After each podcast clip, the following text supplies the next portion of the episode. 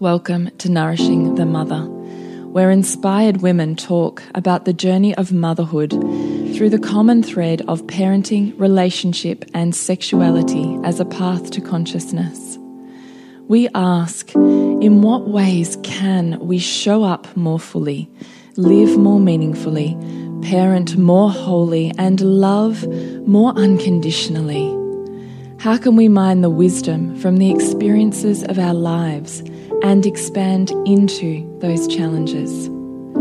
If you are here, you care about paving a path of conscious and intentional motherhood, connected with yourself and your gifts, and also illuminating your children in theirs, so we may raise more whole humans who can impact this world in a more humane way.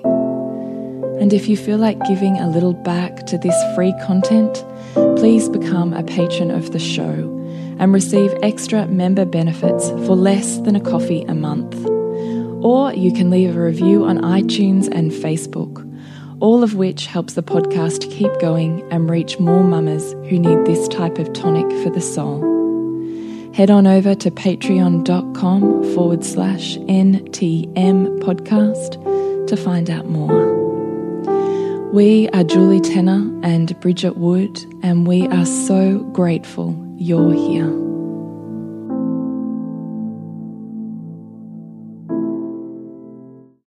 Hey everyone! Hello. So great to be So- in this group.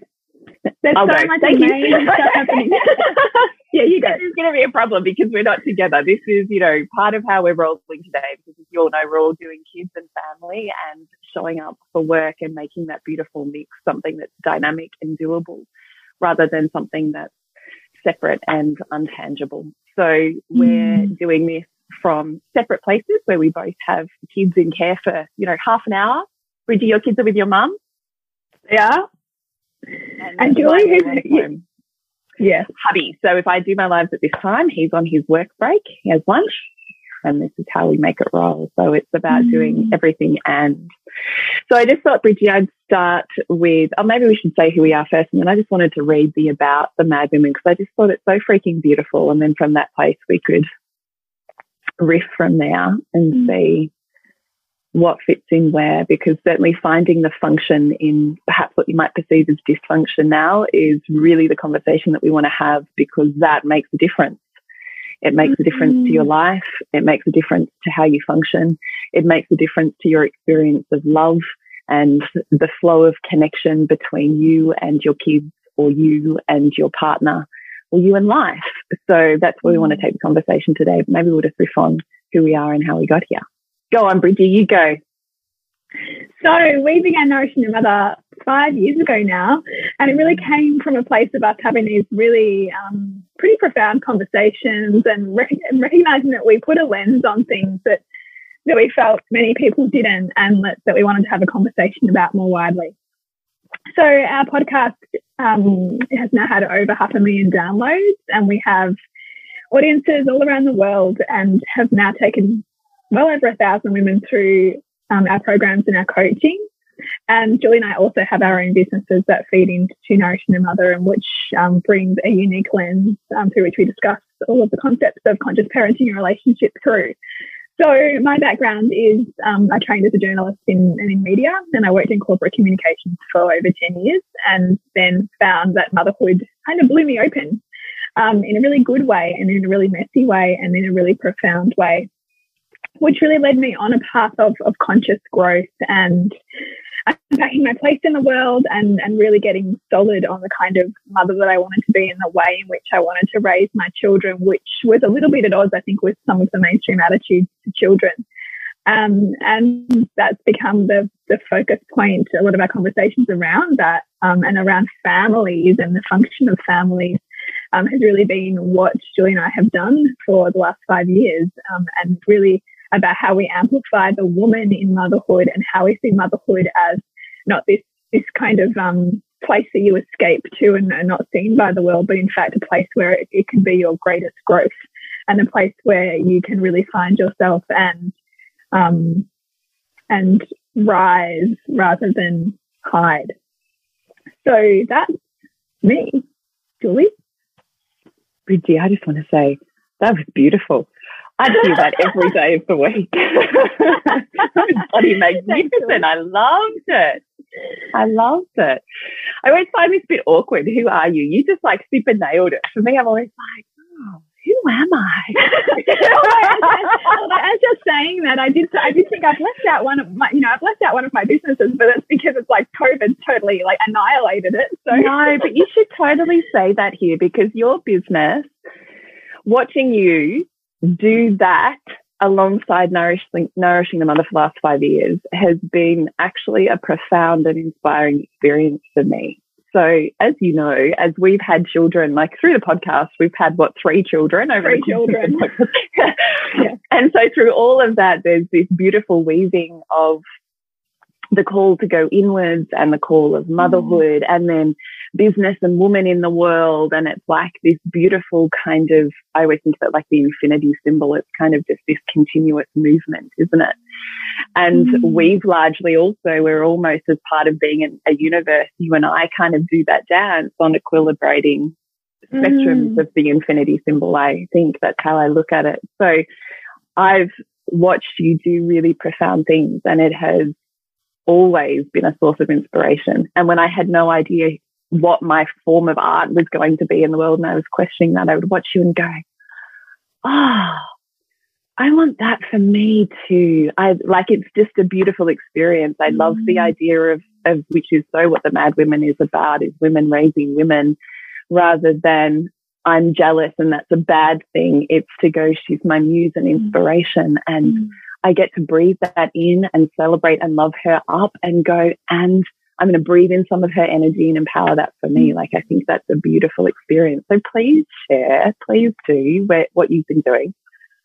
Oh, so for the last five years, also alongside Nourishing the Mother, I um, have been running events. So um, really conscious living based events where we would um, elevate consciousness through the through film and conversation, taking topics across a broad range of um, subject areas like wellness, education, um, I'm trying to think about all of the other ones. There's a host of personal growth, spirituality, a host of, of topics, and really pulling in experts in different areas and creating um, community around these things that often the mainstream puts no lens on or judges very often.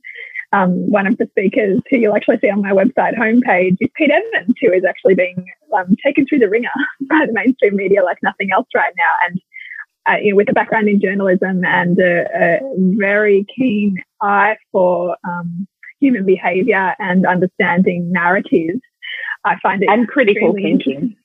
And critical thinking. Um, I find it extremely interesting that we and, and important that we create spaces to discuss things that that are not um, always given voice and are not always given the appropriate lens and critical thought around. And so I've hosted over 70 events over the last five years in Melbourne, Geelong, and um, in Byron Bay. And all around, you know, amplifying the message of certain documentary films and giving people a forum in which to discuss and dissect ideas and choose their own way. Um, and also working with local businesses to um, bring local businesses as part of that community hub so that people who are wanting to perhaps explore wellness or explore you know educational streams and mm. actually partnering with businesses who provide services in line with that so really a kind of quite a holistic experience of going and finding your peeps um, in a place and feeling really inspired by it so um, that's obviously an event focus which has been annihilated by COVID. So mm. the chances are that we won't actually have any this year um, looking at the current restrictions. So that's that's been a and, and I would invite you to think about when Julie's touching on um, this this infinity symbol and, and the and family dynamics and expansion and contraction is that I noticed that three years ago when I was really expanding my business, Julie was in this holding pattern of not knowing what she was doing in her business. And now I'm now we're in reverse roles and Julie's expanded her business and I'm in this holding pattern of not knowing what I'm doing. And in fact, that's actually not dysfunctional. It's actually highly functional for a, a system. So Julie and I are almost in an intimate system as business partners, and in a family, you're also in an intimate system where your roles are going to shift and change, and and that to, to, when we apply the lens of asking ourselves how this is functional, we can move with more empowerment um, forward as opposed to feeling you know, like a victim or feeling, you know, or descending into feelings of shame or, you know, whatever you can attach to where you find yourself. So we'll move on to that discussion after Julie's had a chance to tell us her story. I was just going to go, go, Bridge, go. so, yes, Julie, tell us. Mm, mm. All right. So, um, I'm Julie, one half of Nourishing the Mother. I met Bridget after the birth of my third child, and we were in a natural parenting playgroup. So, by virtue of loving the things that you love, you end up in the places where people love the same things that you love. Mm. Mm. And so you have this beautiful meeting and merging of values that raise everybody's vibration and you get to deeply immerse in that. So for me, that was a natural parenting playgroup. So my third, my eldest is 14 now and I have four children. So my youngest is two. So I met Bridget after the birth of my third and um, I went, I need a hub of conscious parents because my older two had already moved into the school area. And we'd started at Steiner, ended up in mainstream. And so my network had significantly changed and the lens with which I saw development and the influence of motherhood and what I knew I needed to immerse myself in yet again to be able to parent this soul with the depth that I wanted to parent her with required a space where I could tap into that energy with a group of women. So I found my local natural parenting play group and in walks Bridget on the first day I arrived I was like, oh, I am meant to be here. so that's how we met. And then we were having the most extraordinary conversations and we were mad gunning podcast addicts. Mm. Like you and mm. I, we were like, like we were all over it ago, six years, six or seven years ago now, podcasts were like not even a thing really in Australia. There was only a, there was only a handful of Australian podcasts. Yeah. Then. Exactly, yeah. And so back then we were always like, oh, podcasts because we both had a thirst for learning. And so to all of a sudden have this platform on which you could access the most incredible minds on any topic that lit your little soul on fire, you could do. And it blew my mind that this was mm. what was now possible in the world and had never been for my first two or when, I so I'm trained as a naturopath, as I started naturopathy, like none of this existed. So I was mm. blowing my absolute socks off.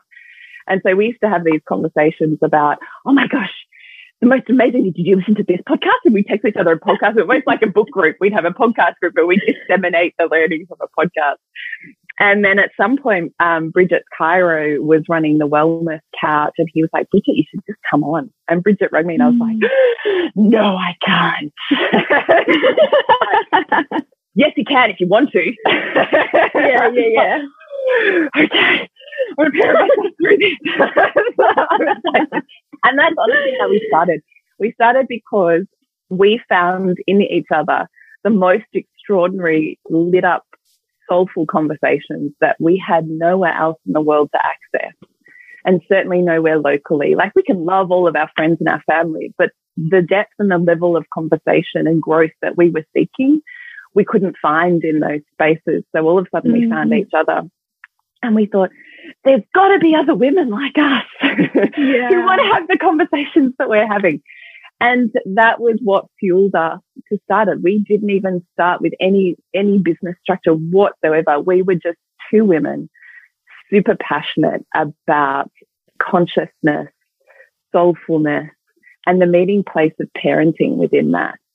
And that that was the lens with which we applied the overlay to motherhood. Mm. And we both had different experience, but that always led us to the same thread of to nourish the mother is to nourish the entire unit. Mm. So we knew that we, when we um, minimize ourself in service of another, that that was a belief and there were old wounds that were holding us back. And so when we delved mm. into those, all of a sudden we found an infinite source of energy and capacity in motherhood that wasn't available to us, you know, five minutes before asking the, you know, better quality questions to get the better quality mm. answers and experience of life. Anyway, so that's how Nourishing the Mother started. And it wasn't until we were about a year into the podcast that we were like, there's like a whole group of women who want to have these conversations. Now we should get together in a group. yes, yes. That's what we started doing. And so we've just slowly had these building of gatherings for just the richest conversations with the greatest level of depth and vulnerability and story sharing, which I think is all, always story is medicine for the soul. And when we hear a story with the outer ear, we also hear it with the inner ear. And as I say in Women's Circle all the time, everyone's a mirror. Like this is the universal law, right, Bridget? Like mm. the one is the all. And any one experience is also the experience of the all. And when you can hear your experience ripple perhaps in a different form, but there's a vibration that hits that place within you, it's absolute medicine. Mm. So that's the lens with which we created Nourishing the Mother. So in the background of that, I grew up with a yogi. So I grew up with a very um, spiritual lens on life and embodiment and breath. And by the time I was 15, I was very much immersed in women's work and then trained to be a naturopath, got into deeper women's work, trained to be a doula and did birth work with women for about seven years, did pediatric work in naturopathy. And then sort of this art form, most of my clients ended up being um, forms of counseling and in-depth women's opening. And I was found my energy and my life and my space there. And so Women's Circle became a space of medicine for me. And the evolutions of all of that has moved through, you know, four children really. And with each child opens a new gateway to what's possible. And it was through meeting Carly that I really, she went, can you please stop hiding? She didn't say it exactly like that, but pretty much. Can you please just show that to me? And I was like, oh no, I can't. I can't do it. You know, and she was like, mm. yeah, you can.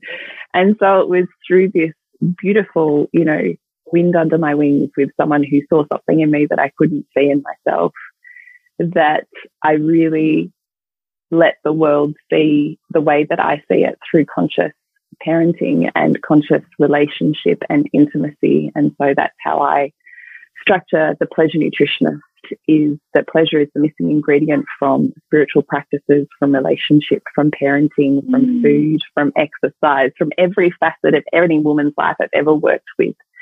So I run deeply immersive women's experiences. I know that my soul's gift is to open doors for women so that they can swing them wide. And I focus very much on the intimacy of self relationship and then the play out and and a mix of that in um, family. So I don't think you have to parent consciously and lose deep, rich intimacy. So mm. that's the lens I bring because I think it, I don't know of another um, spiritualist, yogic, tantric teacher in embodiment and sexuality work who also has four children. mm. So I think it's just a really beautiful meeting place for what that looks like mm. in amongst family as opposed to separating these two experiences. That's, such a gift too, because in doing that and in, in being the invitation to mix sensuality and sexuality with the intensity of mothering four children, you are building bridges that have been burned down for mm. centuries mm. through the church and through, you know, so many systems Everything. that want to segregate, right? And so that's a, it's a rebellious, it's, it's an act of rebellion and also an act of inspiration for anybody who, you know, is touched by that. So I love it. Thank you. So I thought we could, I could read this Mad Women. I don't know if you've read the About or not, but I think it's delicious. So I thought it's worth reading. So the Mad Women, the make a difference women, the ones hell bent on leaving the world better than they found it. Something special is happening a showcase. Come and see them shining. Let them inspire you. Let them show you what's possible for you. Let them see their fire. Love them through their nerves and their humanness. I'm so honored to be standing alongside every one of these women as they unleash their magic in the world. Mm. How delicious gorgeous. is that? So gorgeous. So the women who make a difference the ones hell bent on leaving the world better than they found it. I just thought that's the place to have the conversation mm-hmm. around the mm-hmm. function in the dysfunction. Because when you can start to see that the entire universe is orchestrated for your growth, not in the way of your growth, your children and your relationship, and all the clunky pieces are included in that, it becomes a very different lens and a space of empowering self as opposed to you've done this to me. The world is like this to me. And all of a sudden you move from I'm a victim to da da da to, oh, I have mastery here. And I just think that is like, talk about making a difference in lives of women and world and parenting. Yeah. It's better so than much, yes. so much, yes. So I think one of the great ways um, in which we view conscious parenting, particularly, is that it is an intimate dynamic with your child. Your child is never separate from you. So whatever you are witnessing in them is an expression of an interplay between the both of you. So one thing that Julie and I love to do is to bust the, the common labels that can be applied to behavior or to people in a family unit. Um, because our children are never just a label or they're never just one thing, just like we're never just one thing, right? Like we're never just kind or we're never just cruel or, you know, we're, we're never like extroverted all of the time. We're, we're nuanced and we're, and we're, you know, whole and we're multifaceted and so are our children. However, what often happens is as parents, we will, um, disown feelings within ourselves or we'll try to like amplify parts of ourselves that we like and push away the parts of ourselves we don't like. And the more that we have that kind of separation within ourselves, we will actually tend to see in our child the very thing that we find most difficult within ourselves. And the, reason why is because our children are very, very, um, actually, they're, they're tasked with the role of helping the family move forward. They're tasked with the role of helping parents evolve. And in, in evolution looks like owning the pieces of ourselves that we cast aside and that we make wrong and that we judge. And so the more as parents we repress certain things, the more our children's behavior can come, become more erratic or they'll be more persistent in a particular kind of behavior, almost as if to push a button for you. Um, you know, to get so deep under your skin that, that you face the thing that they're trying to bring up for you.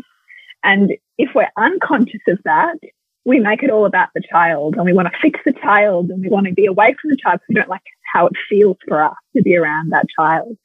But in fact, they're simply setting us up to feel what it is that it feels like to be them and also to feel the parts of ourselves that we don't want to make okay so that we can grow. So they're actually bringing out, bringing to us pieces of ourselves that we don't want to feel, that we've judged as wrong, that we've disowned for the purposes of us to grow which is a pretty big difference from a mainstream lens on how we look at a child, right? A child as someone's behavior to manage or to curtail or to, you know, stop or, or um, label as wrong. The child really can't be looked at separate from the family dynamic and particularly the parents because they are part of a whole. Mm. Are you asking me? Mm? Yeah, sorry. for, you to, for, you to, for, you, for you to amplify your aspect I'm sorry. I'm distracted because I'm going, I think our live's appearing in the group, but I can't see it in there. Are ah. you able to see? We want to make sure we're live, that's for sure. Let me just have a well, look. It says, it says live on my Zoom. But then I went into the group and I'm well, like, because maybe I can see if there's any. There might be some comments that we're missing as well. Oh yes. Well, yeah, I wanted. There we are. Oh, there's some comments as well. That's oh, good. you can see us. Oh, thank goodness, I because I was scrolling through, going, I can't see us. And Sorry, you can pick up on my energy because I'm going. I hope we're in here. or if we're not, I'm thinking, we're on Facebook, are we? oh, are we on the oh, I'm so glad. Forgiveness. Okay, so you can so see glad. comments. I can't. So are you I can see comments. So why don't I just go back to some of the comments? So Thank got, you. Um, that would be super. Now my mind can rest. Thank you. Good. now we can come back to what we were talking about, right? I can see you kind of, I can see you. I know because I'm going. yeah, sorry. Um, Sammy said, I love that motherhood really birthed you as well as your child. Oh my God, yes. And, you know, this is something that we're really passionate about too, is that um, our culture doesn't really celebrate that. And, and I make a point whenever I see someone say, oh, happy first birthday, you know, to your child. And I'm thinking, happy birthing day to you. Right? Yeah, like, because this 100%. is, and like my third's about to turn one and I am like, I'm feeling all of the feelings this week because one just as much as she's about to turn one, I'm having I'm coming to the conclusion of, of, mm. of that, mm. you know, really pivotal postpartum period. Mm. And every baby you have, you meet more of that, more stretching. And, and so we're really, really big on, on putting that lens just as much on the child as on yourself and who you're being asked to um, evolve into because the thing with children is that you know the the I love this quote from Carl Jung who said um, you know the greatest um, disservice to a child is the unlived life of the mother right? Like because the children want to see your blueprint. Like they want to mm. see you shine in the world so that they can see what that could be like for them right? Mm. And and that to us too is that is that motivation and inspiration for us to continue to push past the parts of ourselves that want to close and the parts of ourselves that you know at 10 o'clock on a you know monday night when we don't want a podcast that we still are because we're still mm. showing up we've been showing up for 52 weeks a year for five years I know. It's actually amazing. It's actually amazing. I remind myself that all the time. It's like, look what you've done. You know, like whenever there's the hard thing, look what you've done. Because mm. mm. it's so easy to focus on what you haven't done. It's so easy yeah. to look for your gaps and where you're not, where you're not enough, right? um, Linda says, love the muse and celebration, not competition. Yeah, but it's also a practice, right? Because we're so socialized. Mm. And, you know, and, and our animal selves love a competition, right? Like there's parts of us that thrive on that. Um, but if we get too focused on competition, we actually look too much at the person next to us and not about what's trying to burst within ourselves, right? Mm. Um, thank you, Katie, for witnessing the gift that it is lovely Katie Parker. Mm. Linda says, exactly. Parenting is a real life experience of yoga, more testing than sitting in meditation in the cave. Absolutely. Julie, you love to talk about that. Can you can you just yeah, give us your little spiel on that? Because I think it's great. I hope I can remember it and download it in this moment. I mm. just there's part of me that dies a little when the spiritualist conversations that are around are so embracing and encompassing of shadow and challenge. So when you're on the yoga mat and you're striking a pose and it starts to get painful or your muscles start to burn and your monkey mind starts to go, you could just come out of this. You could just escape. You could just mm. blah, blah, blah. That the yogic practice is always to melt the pain through your body, to find the space beyond the pain, to make this part of your practice as opposed to in the way of your practice same thing with meditation, right? Like no one probably says that better than Joe Dispenza in that in meditation, mm. you will always meet yourself. And then we all go, yes, we always meet ourselves. So every resistance and roadblock that I feel in the space of meditation is me. So I can breathe in that challenge and I can find my way through it. I can transcendental my way through it, or I can breathe my way through it, or I can yoga my way through it. And then all of a sudden, where it comes to parenting, and we're like, oh no, you're just a bad kid. and I'm like, what the mm. fuck? mm. Because as soon as your eye bridge would say to someone, okay, but how is this challenge you? How is this your disowned part? How is this pain the practice for you to breathe in and disseminate and melt and move through and have it be your practice? How is this the meeting of you that leads you to somewhere greater? And that becomes a difficult conversation in motherhood because we have a far stronger cultural narrative around it being hard and I need to escape and get away. And these kids are so blah, blah, blah, blah, blah, mm-hmm. as opposed to they're me. And every time I resist them, I'm resisting and separating me. And every time I move towards them, I'm incorporating more of my wholeness and doing the very growth that I say that I want on the yoga mat. And then it appears in the universe through the most perfection in all of our disowned parts are represented in our children, right? Whatever we mm. repress, they express. And so the universe offers us this beautiful opportunity to master our own growth and then we go, oh no, that doesn't apply here. and I'm always like, mm-hmm. mm. because yoga is life. Intimacy is the yoga of the heart. So I don't think that they're separate practices. I just think we've separated them. And it's become so socially acceptable to separate them as well, yeah. right? Like it's just, and, and the thing is, unless you put yourself in a place where that that social construct is going to be challenged, then you'll continue to live in an unconscious way because the lens never put on it, right?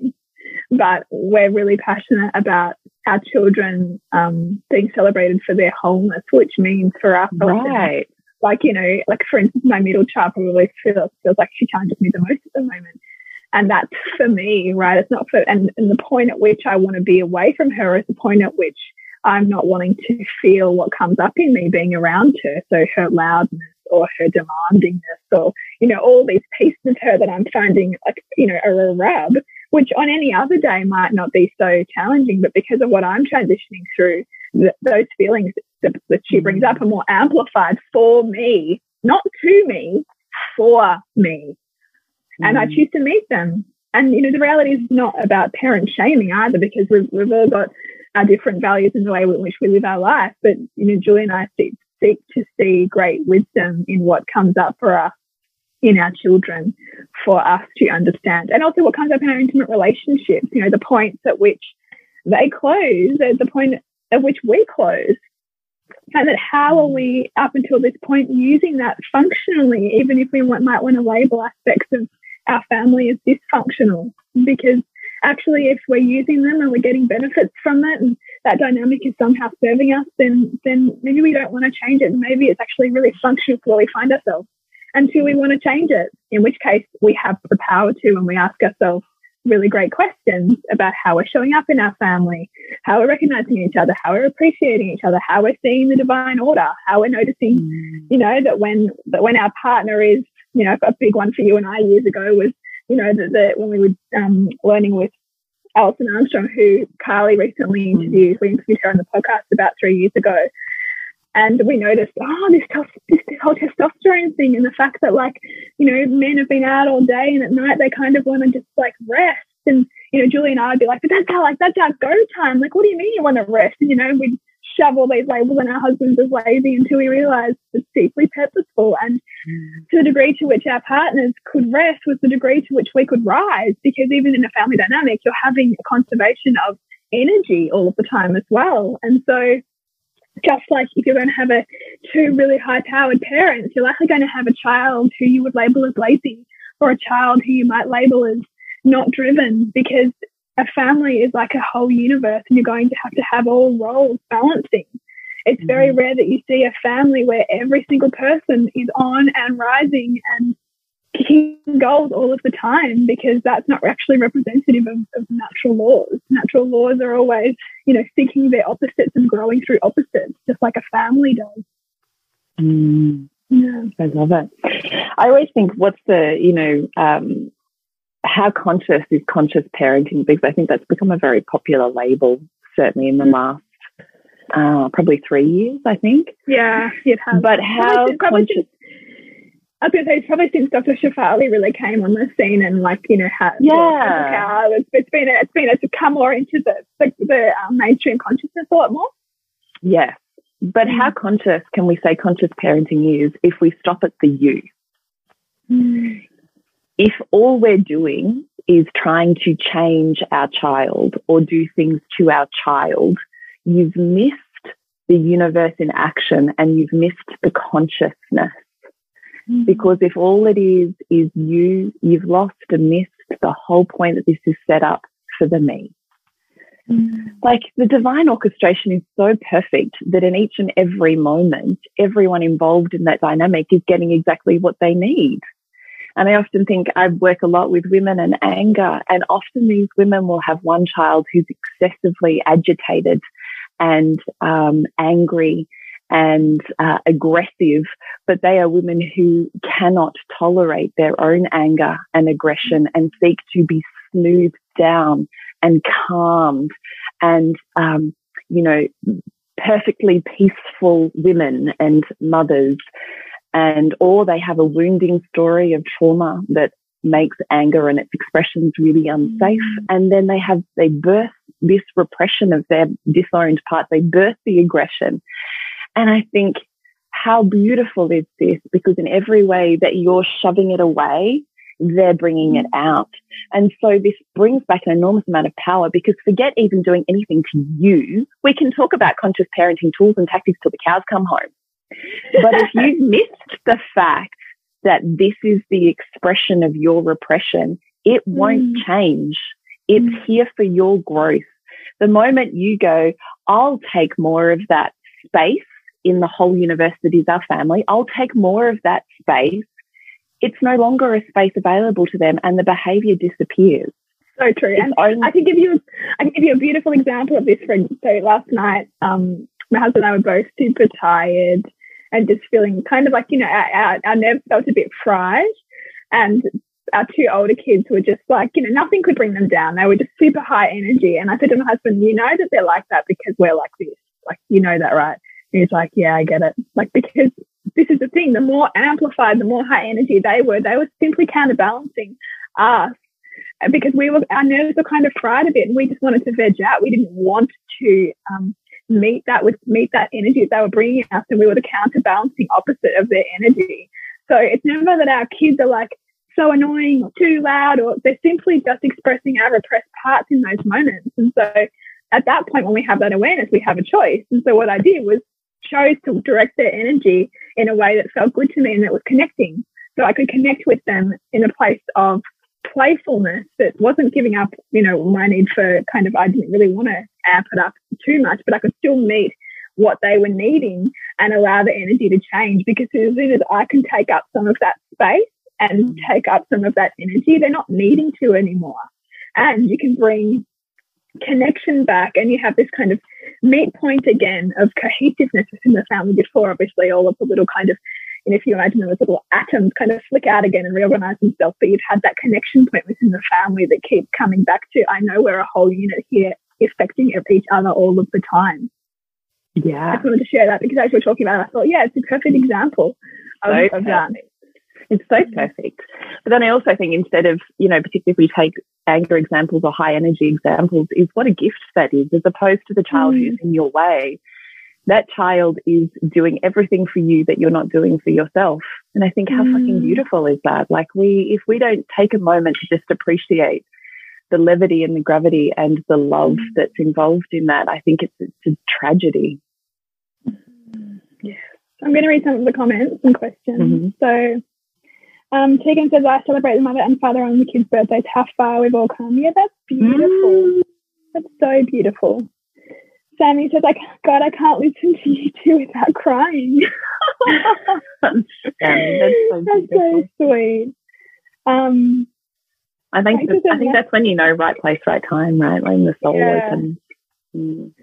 Um, Sammy says, How do you take that deep understanding and apply it to the day to day? When I listen to you both, I feel the truth in my bones, but then I turn around and yell at my kids for yelling or fighting or whatever is irritating me. Yeah, that's the practice, though, right? Mm. Like, I, I just always think of it as that's the practice because, like, we practice you know, if you're a yogi and you have a yoga practice that you do every single day, you do a yoga practice every single day because it keeps you limber. It what's the word? Limber? No. What's the word for malleable? It's left my head. Anyway, it keeps you flexible yeah. and alive in your body. The words have left my brain. If you don't practice your yoga for three years, you're not going to be able to do what you were mm. able to do when you practiced it every single day. Mm. And a yogi who practices every single day doesn't think at some point I will reach the black belt of mastery and will no longer have to practice the person who's reached the black belt of mastery in, you know, karate or yoga both know that there is so much that they don't know. And so the practice continues mm. their learning and their growth. So I always think of this as not an end result or an end goal. There's not a point at which you master it. There's not a point at which the challenge disappears because we're designed to experience challenge so that we grow those parts of us. We will never have this point where life is peaceful, when children mm. are perfect, or, you know, when the children leave home, then I'll not have to be here anymore because the challenge will then appear in whatever area of life you're valuing, career, relationship, who knows the challenge of the universe is constructed, and Bridget, you talk about this in terms of support and challenge. There has to be an equilibrium of both. We generally, mm-hmm. when we're comfortable and we're feeling pretty good, we're not really changing. Most of our revelations are born out of deep pain. So we have this experience of pain. And I always think it's kind of like the universe with this big arrow, like going, this, here, work mm-hmm. on this. And then I kind of go, oh, thank you. all right, I'll you know, so the form, the form of which it appears is irrelevant. It could be through my husband. It could be through my kids, mm. through my work. It could be through my friends. The form is completely irrelevant mm. because I see it all as the universe going, this and then I go, okay, all right. you know, I will meet you there. Yeah. So I just feel like that is the practice. Mm. So the places at which it gets challenging and sticky for you, I kind of look at my children going, ah, okay, here, thank you. And then I come mm. back to the self and the practice. You've got to be able to have a practice that you continue to return to so that when you hit the fight of your life in that day, when you enter the, you know, the gym or the, I always think of it like a boxing match whenever it's, you know, um, one of my kids is having something that's bringing stuff up in me. I kind of visualize that I put a um, boxing ring around myself and I think, ah, this is this is my this is my time. This is what I've been practicing for. Mm. This is the fight of my life. And then you know, I float like a butterfly. To sting like a bee, and I'm going to use all my tools here because I've been mm. practicing for so long that now it's here, and I get to really do it, like for real, mm. as opposed to like just feeling pretty comfy out here, like for real. And that's orchestrated for my growth.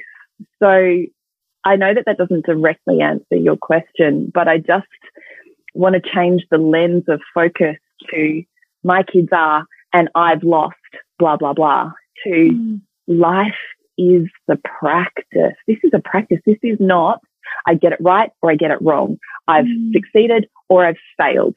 This is practice. All right. That fight I mm. got knocked out in. This one I totally championed.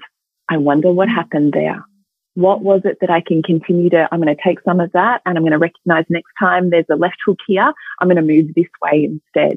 It's a practice. It's not a point at which you go, got it. Don't need to practice anymore. like Bridgie and I, I know you do. I know I do practice continuously all day, every day. Mm. Mm. We practice through breath. We practice through presence. We practice through self pleasure of whatever form that looks mm. like in this moment. We practice through embodiment. We practice through opening and recognizing our closure and opening again. Mm. We practice through stretching our nervous systems when our kids get a little crazy. It's all practice mm. that's designed for your growth and mastery. And whatever seems in the way or challenging right now is exactly your perfect practice is exactly the place that you need to grow through to have everything that you're wanting to put out in an affirmation in the world. The minute you put out an affirmation to the universe, it's going to go, cool. But you have to be the person for whom that's a reality. So here you go. Get rid of this. Mm-hmm. And so I always think of that. I go, okay, yeah. So I've asked for bigger mastery, um, I don't know, greater wealth, more purpose, deeper peace in my relationship. I don't know, whatever your thing is that you've wanted to affirm or chase um, or put on your vision board this year. Yeah. So the person you are now has the reality that you have now. The person for whom that change is a reality has a different way of seeing the world and showing up within it. So in order to become that person, you have to enter the ring. Mm. You know, Mm. Is there anything you want to add to that? I just I'm thinking back to what you were saying about that spiritual practice. It's like you know I often think about that that saying, um, "What do you do before enlightenment? You chop wood, and what do you do after enlightenment? You chop wood. Like you continue to yeah. chop wood, right? And the thing is, every new age and stage of our children will bring up new edges, and yeah. so the more that you're practicing yeah. what comes up in yourself, the more you're like, oh, I'm a bit like snarky with that thing that they're doing. What what's there for me? Oh, yeah. oh I was pretty short tempered there. Like, what's going on? Like, what do I need right now? How am I viewing this situation? What am I not willing to feel within myself? As opposed to reaction, reaction all of the time, you know, because our kids are too much, which is in fact we've we've missed that point of our own boundary and our own um, relationship with ourself, which we've neglected, and it's flicking out in all of these myriad ways around us. Because the relationship to self is the number one relationship that you must care for in order to be caring in the relationships around you as well. Because if you don't look after yourself and have a connection point with yourself and have a place where you honor your own boundaries or at least know what it looks like when you overstep your own boundaries, then everything's everybody else's fault. But it's only everybody else's fault because you haven't listened to yourself. Because mm. blame is the most easiest thing to do. Zero responsibility, everyone else's problem. But the self responsibility and the relationship to ourselves has to be number one. And this is not about going to have your half an hour self care somewhere. This is a constant practice and um, willingness to value yourself all of the time. Like, and, and sometimes valuing yourself will look like deeply challenging yourself, and that is still loving yourself, right? Mm. Mm. Which is what oh, man, hundred percent. Because loving yourself doesn't doesn't often, I think, even look like something that's beautiful. It looks like wading through the darkness. Mm-hmm. And we are so comfortable with chasing the light and so uncomfortable with our own darkness. Mm. But you can only be half of you if you're rejecting half of you. Mm.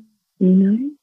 Mm. So uh, there's two questions that I love, Bridgie. When I was listening to you do a live in Queen's School this morning with me, there was the, the question that you said, which I think you just said then, which was, um, oh God, why, essentially, why this? Why this? Why is this here for me? And the second question that I love that I add on to that in every moment. So I think it's always wise when we see something playing out continuously with our kids is to take the observer lens. So like in yoga where we love to, you know, be the observer or in meditation, be the observer, don't be in the mm. experience, mm. is to ask, why this? Why this? What is this here for for me? And the second question to that would be, why now? Mm. And I think those two questions alone will make the most enormous difference mm. to you as a woman, lover, and mother. So true. Why this why now? Like that's go. You go. I'm going to take us through a few more of our questions. Yeah, Linda says, that's me. I've birthed aggression and it's teaching me every day. Yeah, it is. it's intense. Um, Sammy says, yes, I feel so much shame for my anger and how I express it sometimes. Yeah, yeah, and this is the other thing. If we keep feeling the shame for it, then we're actually never going to move beyond it because we'll keep, it's almost like a, um, a neural pathway. It's like you've got that, um, that, that road, like kind of in your brain there. And that until you can stretch outside that road and start to see the pattern that's, that's laid it down, it, keeps pulling you back in as a cycle. So we do a little bit of work. And in fact, I think, I'm not sure if you're in Soul Driven Motherhood, but we've got a um, workshop this week on, on, on processing shame and guilt, which would be really helpful for you if you're in there. Um, Linda says, I'd love to know a reference point for that so I can learn more. I'm not quite sure what's the reference point for what. So can you tell us, um, because we've, we've been spoken a lot, so I'm not quite sure what that was, what that was in reference to. It happened. We talked too far. Yes. Lana says, I love that, needing their energy and taking up that space. I can relate to this, yeah. Um, Tegan, of course, wow, this is wisdom. Oh, thanks, Tegan. Charlie, lit and limber. Does that mean anything to you, Julie? What was it? I didn't hear. Lit, lit and limber. Lit and lit limber. And limber. Oh, for my yoga, I was like, what limber? It was limber. And then oh. in my head, I'm ah. going, is that the word? lit and limber. Yeah, that's perfect. Lana says, they are there for you. I love looking at it like that. Another way of being so grateful for the gift of bringing a child into the world. Sometimes we think we should be grateful because others can't have children, especially during frustrating times. But to then amplify that to say that they are there for you is beautiful. Yeah, so sometimes I think that this can be a really common thing is that I shouldn't feel this, this towards my child because I should be grateful that I just even have a child. But what that does is it, it doesn't actually take you to the point at which of ownership or the point of which of truly meeting the thing that's coming up for you because it's kind of a the disconnect. It's, it's a, almost I shouldn't feel this because of the starving children in Africa, or I shouldn't feel this because other people are more hard done by. But it, it's not actually giving you a chance to think into the potential ownership and and transformation that's available when you look at that for from the lens of what's this here for for me. Mm. Would you uh, would you agree, Julie? Yeah, I would. I concur, um, Bridget would. I concur. Linda said, I love that too. And I'm conscious enough to see that I'm in a place to practice my skills. Yeah. Uh, Alicia, Alicia says, um, replying to Sammy, yeah, the shame around um, losing it. The breath and the pause before reacting is my mantra, and we do the best we can. Yeah, and I think also relationships also grow enormously through repair. Mm. And there is yeah. so much beauty when we can, you know, and I do this to my seven year old sometimes, um, or even if, you know, like my three year old sometimes will say to me, You hurt my feelings. And I'm and I'm like right there with her going, Ouch, yeah, that hurt. Like because I want her to be able to express that in relationship. It's important for her to feel safe enough to express when another person hurts her. And so I need to support that rather than descend into my own shame and not want to face it. Mm. Yeah, sometimes I might say things that will feel hurtful. And and to navigate relationship is to is to not try to hide that and not try to like shove that down or, or make her somehow feel responsible for for my reactions, you know? Mm. And similarly with my seven year old being able to repair, being able to say, Wow, did you notice how like I was behaving like this. And then I felt when I did that, like I was super angry, you know, and that then gives him a blueprint to own his behavior, which is essentially, you know, better than many adults can do, right? Like we're building relationship, we're building, you know, skills here. It's emotional intelligence. That's it. Mm. Exactly. Sammy says, Oh my God, this is speaking so clearly to me. Thank you. Yes, I need to grow because I have new goals and dreams now. Yeah. And also, when we set new goals and dreams and when we set big stretches for who we are, we're going to have that, like, you know, almost like that tussle, like a caterpillar inside the chrysalis who's trying to break free. And so you're going to hit every kind of edge and wall as you're trying to, to tussle through that. And, and that's part of that birthing process. And I always love that um, Winnie the Pooh quote, which, you know, is essentially to become the butterfly, you have to give up being the caterpillar.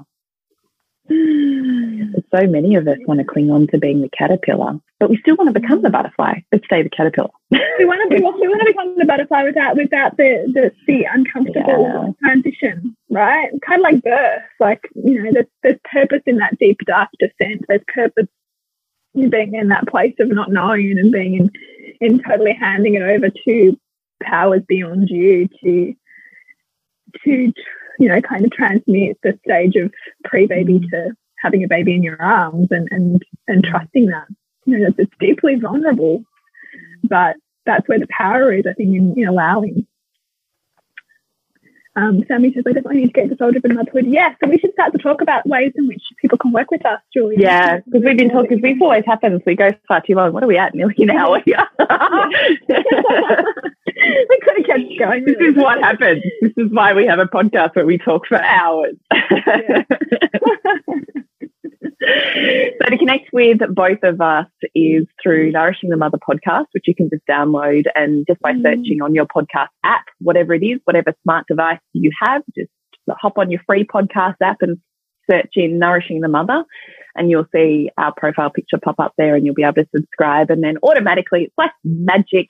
They just download and you can listen to it like you would on, um, you know, listen to music on your device. So it's mm. literally like that.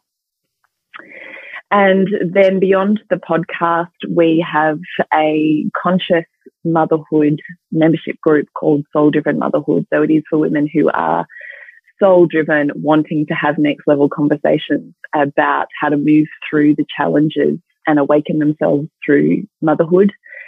So that can be found through our website, nourishingthemother.com.au or Nourishing the Mother on Instagram or Facebook as well. Mm-hmm. And we have three courses that we have as stock that you can download or get through a mastery pass that we've just released at the moment. So we have aligned, sorry, soul driven parenting, which is all about parenting with your alignment and all of our skill set. We walk you through every module essentially mm-hmm. of what we feel it is and what the tools are to use to parent with a level of consciousness and soul. Then we have um, Sugar and Spice, which is our conscious sexuality awakening course. And then we have Loathing to Loving L2L, which is our universal principles and concepts for really soul and self self growth and personal development. So you can have a look at all of those. Again, mm. same socials, same website. Or have a look at the Mastery Pass we just released and you can have access to all of them for six months. So, and to connect with you, Bridget. It's suburbansandcastles.com and you, Julie? Is thepleasurenutritionist.com. I feel like we just need to do a wrap up on our podcast. Yeah, I know. I feel like should, we do, should we do it again? How do we connect with you, Bridget? Suburbansandcastles.com. And you, Julie? Thepleasurenutritionist.com. Remember to nourish the woman to rock the family. and we'll see you next week when we continue to peel back the layers on your mothering journey. Thank you so much for having us, gorgeous Charlie. Thank you so Thank much you. for tuning in and using your very precious listening time to be here with us. We really do hope that you have a mad experience from this, which is just making a difference to your life or yourself or your parenting, and that you do come and connect with us in deeper ways. That would be really beautiful. And if you want to support Nourishing the Mother and all the late nights, the early mornings, the blood, sweat, and tears we pour into our art, then please go to patreon.com forward slash NTM podcast and become our patron. As a patron, you're helping all of the cost of operating this podcast, the hosting, the editing, the transcription, helping all of that be completely covered, and joining a community who are all about honouring our journeys and continuing to open. The more support we have, the longer we can last. So become a patron. We'd love to have you. Go to patreon.com forward slash NTM podcast. We literally couldn't do this without you. Thank you so much for listening, and please share this podcast with anyone you think it would be medicine for.